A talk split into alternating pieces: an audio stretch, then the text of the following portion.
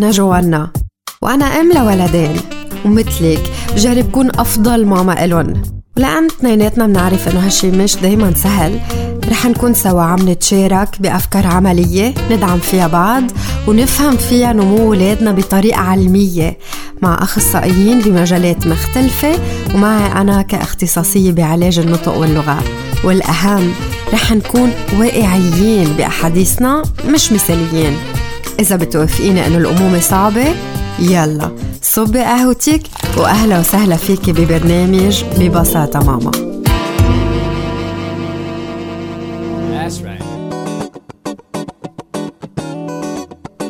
مرحبا مستمعينا. مبسوطة أكون معكم بالحلقة 29 من ببساطة ماما. خلصت سلسلة الرجعة المدرسة اللي كانت مؤلفة من ست حلقات. واللي فيكم ترجعوا تسمعون بأي وقت تاني.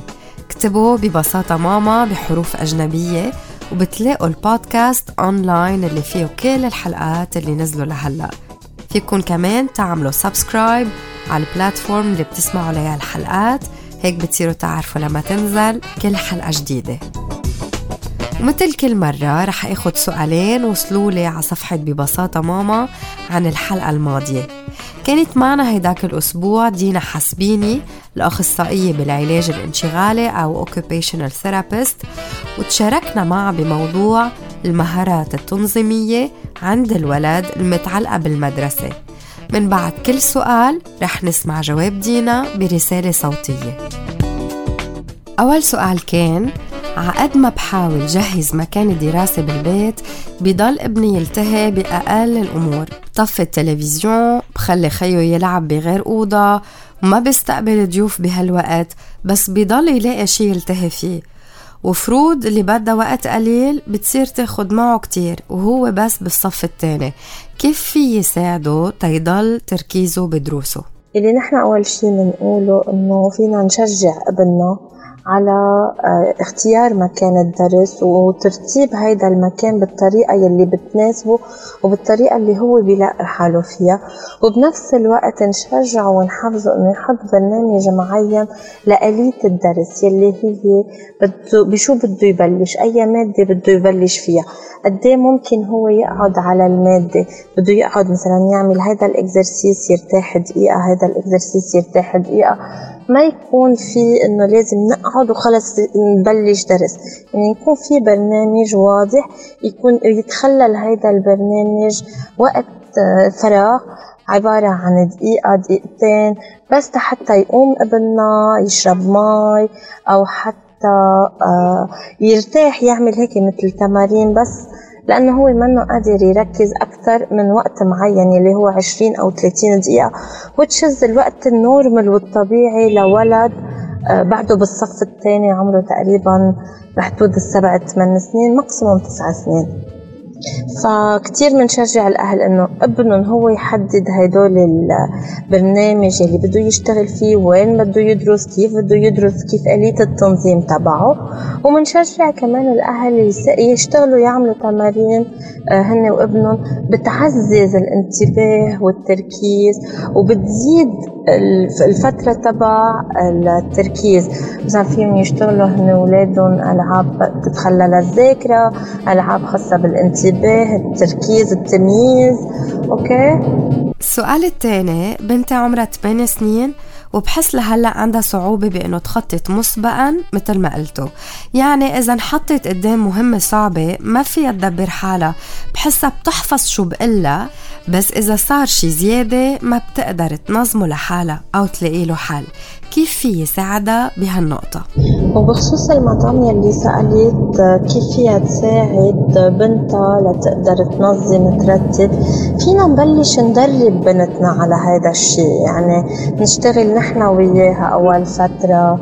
آه، فينا نبلش نعطيها تمارين أو تاسكس مهام تكون بنتها عم تعملهم أكيد تحت إشرافها هي. وشوي شوي نفوت أشياء صعبة ونخلي ابننا أو بنتنا هو يفكر بحلول. يعني أنا آه، شجع ابني أو بنتي على إيجاد حل معين.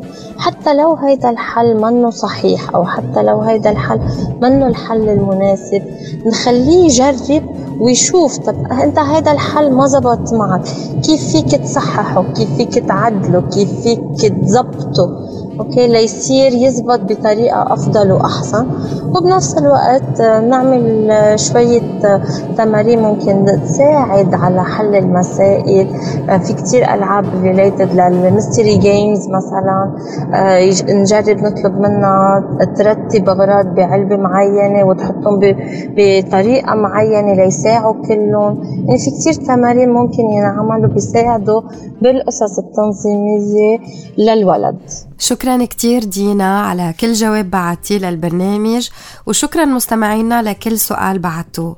خلال حلقة اليوم إذا كمان كان عندكم أي سؤال أو استفسار بليز بعتولي على صفحة ببساطة ماما على فيسبوك أو على إنستغرام أو على رقم الإذاعة 81 50 48 84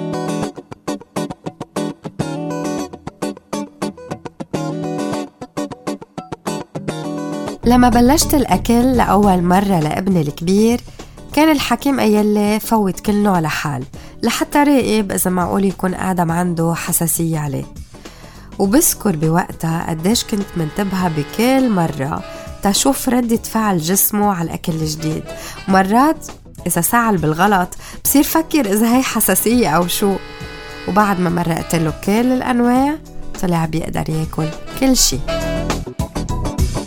حساسية الطعام موضوع حلقتنا لليوم مع أخصائية التغذية بعيادات صحي وسريع سابين خديج.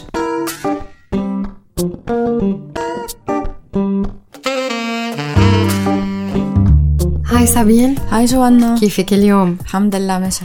آه اليوم رح نحكي عن موضوع آه بركة كتير مهم خاصة لما يفوتوا الأكل الأهل للولاد أو حتى بعدين آه لما يكتشفوا إنه في نوع من الأكل ابنهم عنده حساسية عليه.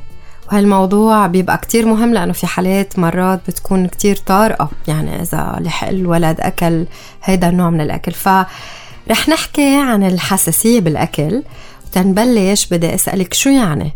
الحساسية بالأكل وليش بتصير؟ أوكي حساسية الطعام هو لما جهاز المناعة عند الولد ما بيقدر يتقبل نوع أكل معين وبيعمل ردة فعل عليه وهيدي ردة الفعل ممكن تكون خفيفة كطفرة على الجلد حكة وممكن تكون كمان عوارضها كتير قوية ممكن تستدعي فوتة المستشفى. بس إجمالا الحساسية هي ردة فعل قوية يعني الجسم ما بيتقبل نوع أكل معين. ليش بتصير؟ هلا اجمالا آه، آه، الجسم ما بيقدر إنه آه، يتعرف أو بيصير يفرز anticorps اسمه IgE ضد هيدا ال ingrédient يلي نحن فوتناه وبيعمل هال réaction allergique اللي كتير كبيرة عند عند الولد. وبيعتبروا إنه شيء خطير ما بيقدر يكون عم يتقبله. طب ساعتها بتصور مهم نفرق ونقول للمستمعين ساعتها شو الفرق بين آه، الحساسية بالأكل حساسية الطعام أو حالة عدم تحمل الطعام؟ يعني بنسمع كتير ب food intolerance في فرق بين الاثنين ال food allergy وال food intolerance أكيد ما بيشبهوا بعض أبدا. وال food intolerance وال allergy كتير بيضيعوا فيها حتى عند الكبار. ال food intolerance يعني الجسم ما بيمتلك الإنزيم أو الأنزيم يلي بيهضم الأكل. بينما ال allergy هي réaction بتصير بقلب الدم okay؟ يعني جسم عم يدافع عن حاله. على allergène نحن أخذناه أو أكل نحن أخذناه. ف وبعدين الحساسية كتير خطيرة. ممكن تؤدي لعوارض كتير ودخول مستشفى. بينما ال food intolerance هي عبارة بس عن إنه مشاكل بالجهاز ممكن يعمل diarrhée أو نفخة صغيرة. ولما يكون في عنا حساسية على نوع أكل معين هيدا الأكل بده يتفادى الولد كل حياته. بينما ال food intolerance ممكن يعني مش بيأثر بس على آه، الهضم يعني بحس حاله تقيل نافخ بس في فرق كبير. ال food intolerance مثل ما قلنا ما عنده الانزيم يلي بيهضم.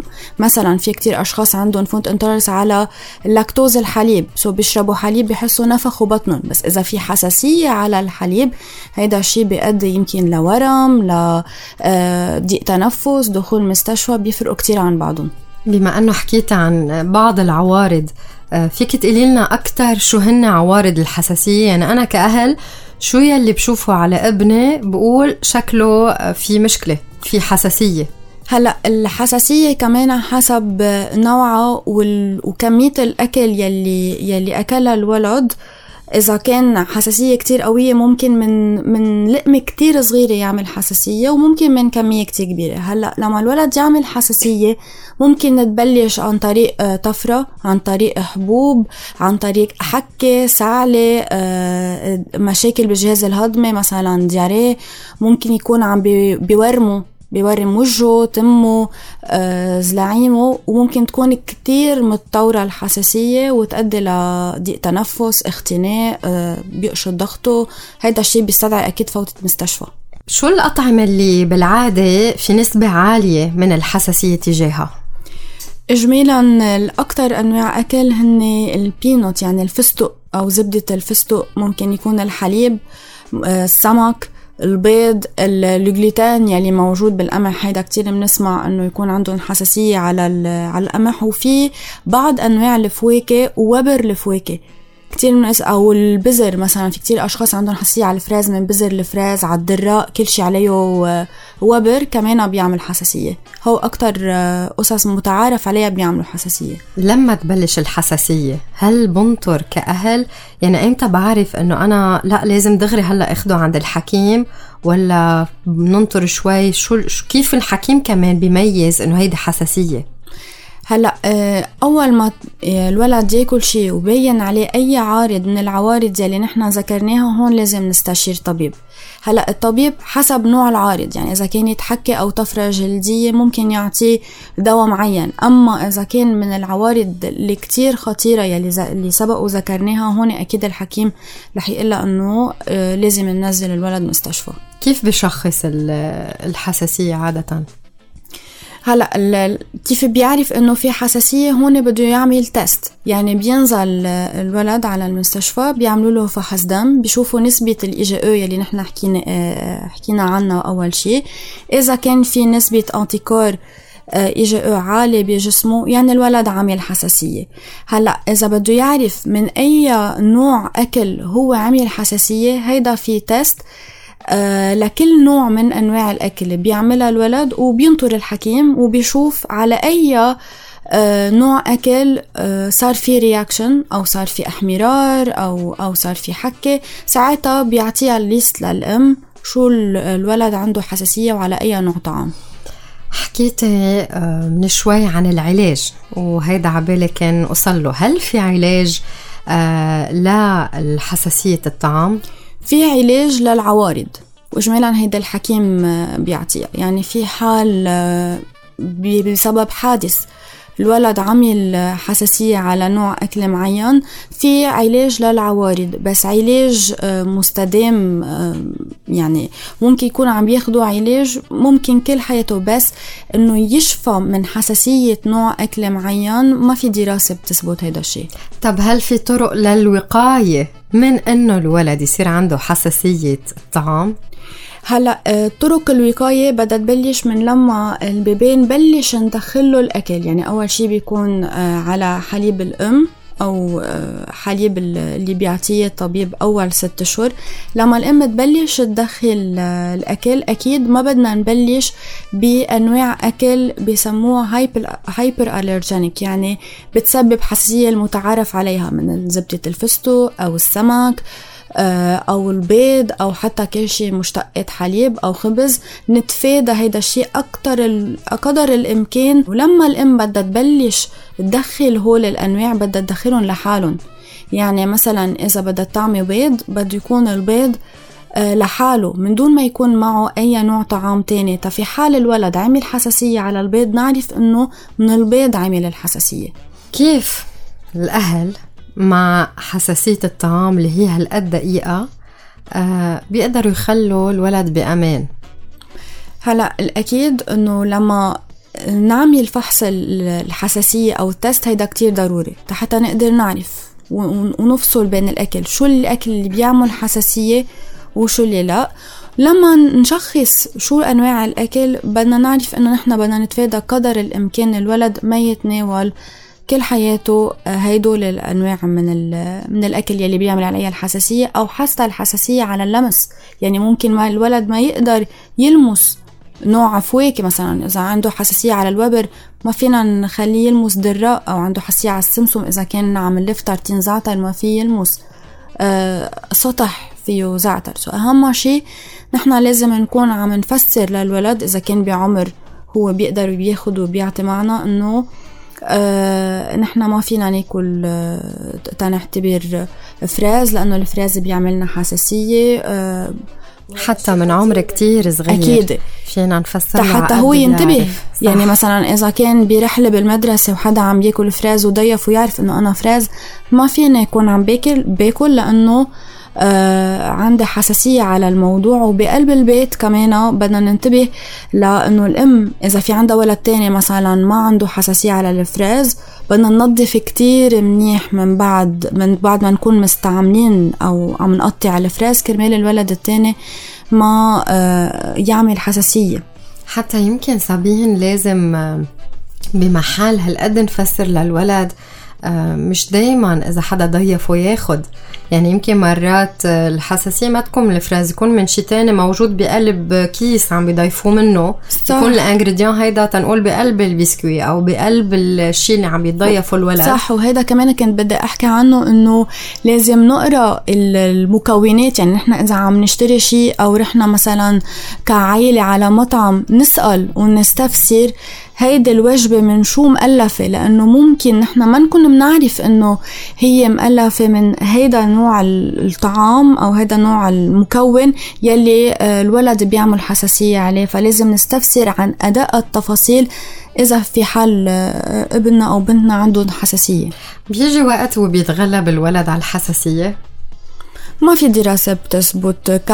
كطبيا. يعني أنا ولا مرة قارية إنه ممكن يتغلب على الحساسية بس مثل ما قلنا إذا كان عم بياخد علاج مستدام بيصير إنه ما بقى بيعمل آه، ردة فعل يعني كحساسية وخلص هو صار بيعرف شو اللي بيحسسه وشو اللي لا وبيكون منتبه.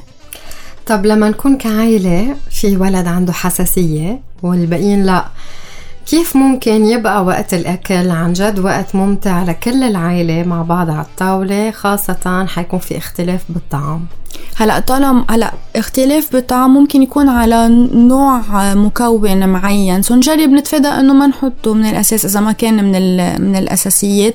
بس طالما نحن الولد عن عمر صغير فسرنا له الولد بيقدر يفهم علينا إذا نحن قعدنا وحكينا معه وفسرنا له إنه آه مثلا نحن آه تنقول بروكولي ما فينا نكون عم ناكل لأنه نحن بنعمل حساسية. ممكن هذا الشيء يودينا على الاوبيتال بيستوعب هذا الشيء وبيتفهم. وكمان نحن بندعم يعني إذا ما كان مكون أساسي من من المائدة فينا نتجنبه.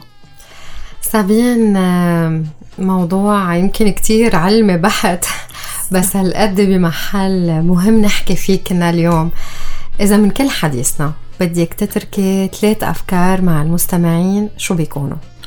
أوكي. أول شيء إذا الولد عنده حساسية على نوع أو أكثر من الطعام لازم نتأكد ونعمل ال test المناسب عند عند الحكيم. يعني ما نحن نقرر من عنا. أوكي؟ نعلم الولد كيف يتفادى هيدول الأنواع من الطعام. يلي هو عنده الحساسية وين موجودين ونعلمه يسأل. وما آه، يتضيف شيء هو ما بيعرف exactly شو شو مؤلف آه، منه. ونلتزم بطريقة العلاج أكيد يلي بيوصفها الحكيم بحذافيره. شكرا كتير لك سابين على كل المعلومات اللي شاركتيها معنا اليوم. وهلأ رح نكفي بباقي الحلقة.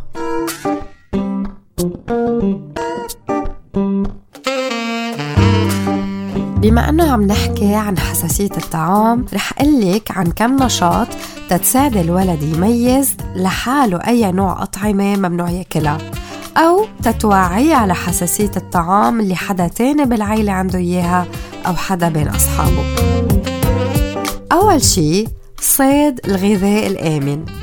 قصقصي كذا نوع أكل وحطي على كل ورقة أتاش أو بيبر كليب وبعدين اعملي للولد صنارة فيها مغناطيس. فيك ببساطة تجيبي قلم رصاص وتربطي بآخره خيط وبآخر الخيط تربطي مغناطيس.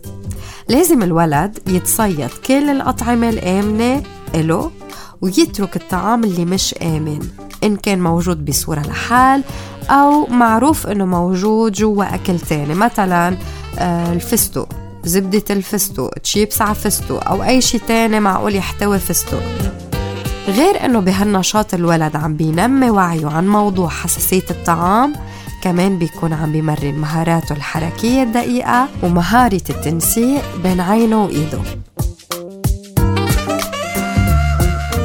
تحضير الأكل. جيبي مأكولات بلاستيكية واطلبي من الولد يحضر معك سلطة فواكه ونبهيه إنه ما في عوز ولا غرض ولا فواكه أو ولا خضرة. إذا كانت سلطة خضرة عنده حساسية عليها إن كان حساسية ناتجة من اللمس أو من الضوء. إذا غلبت استغل الفرصة تترجع تذكريه بالأكل اللي هو ما بيقدر ياكله. اختيار الجواب الصحيح. حضري أسئلة للولد وقدمي له ثلاث احتمالات وهو لازم يختار الجواب الصح. مثل إذا شي مرة أكلت فستق بالغلط بتشرب مي أو بتخبر حدا كبير أو ولا شي لأن كل شي رح يكون منيح. وممكن كمان تقولي له جمل وهو بده يعرف إذا الجملة صح أو خطأ. مثلا في أعطي رفيقي اللي عنده حساسية على الفراز سكين قصيت فيه الفراز تبعي تيقص هو التفاحة اللي بده ياكلها. صور صغيرة. حضري للولد صور أو خليه هو يرسم رسمات صغيرة ويلزقهم على البراد تيتذكر شو مسموح أو ممنوع يعمله بحالة حساسية الطعام اللي عنده إياها أو اللي رفيقه أو حدا من إخواته عنده إياها. مثل رسمة بتذكره مثلا إنه ما ياكل فستق قدام أخته اللي عندها حساسية على الفستق؟ تحويق الكلمة. تتعلم الولد يصير ينتبه على المكونات. حطي قدامه على الطاولة كذا علبة أكل وخليه بماركر يحوق أو يلون الكلمة اللي عنده حساسية عليها. تيعرف إذا هيدي علبة الطعام بيقدر ياكل اللي جواتها ولا لا. وآخر شي قصة. في قصص ممكن تلاقيهم عن شخصيات عندهم حساسية طعام. وإذا ما عندك أنت ألف وحدة. بالقصة الولد بيكون محمس ومتجاوب معك ومتفاعل مع الشخصية وقادر يفهم بشكل ممتع كل التعليمات اللي بدك توجهيه فيهم بخصوص هذا الموضوع.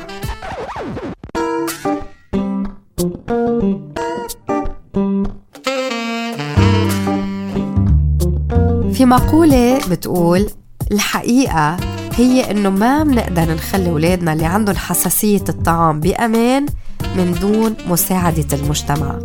إذا ابنك أو بنتك عندهم هالحساسية أنت فاهم اللي عم بقوله هلأ.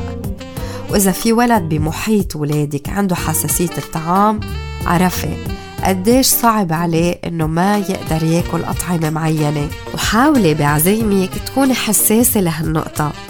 إذا ما بتعرفي اسألي الأهل اللي عازمة ولدهم وعرفي منهم إذا في أكل ممنوع منه. وما تجيبي هالنوع اللي معقول يأذيه أو يخليه يتحرقص إنه هو ما في ياكله. ساعدي هالولد يحس حاله جزء مهم مثل ما كل حدا تاني بهيدا الدعم. وهيك منكون وصلنا لنهاية الحلقة. من كل شي حكيناه جربي بلشي بتطبيق شي واحد لأن التغيير اللي عن جد في دوم هو عبارة عن خطوات بسيطة واضحة تخديها بحياتك اليومية. إذا عندك أسئلة أو أي استفسار ممكن تتواصلي معي على رقم الإذاعة 8150 4884 أو تبعتي لي رسالة على صفحة ببساطة ماما إن كان على فيسبوك أو على إنستغرام. مثل كل مرة رح يكون معنا رابحة. كل comment أو share لل post على صفحة ببساطة ماما إن كان على فيسبوك أو على إنستغرام بخلي اسمك يفوت ضمن قرعة تتربحي واليوم رح تكون الهدية من عيادات صحي وسريع تتعملي free fat test اللي بيساعدك تعرفي إذا وزنك مناسب لطولك وكيف مكون ومقسم جسمك بين عضل ودهن ومي. واسم الرابحة معنا لهالأسبوع هو فرح صقر مبروك فرح.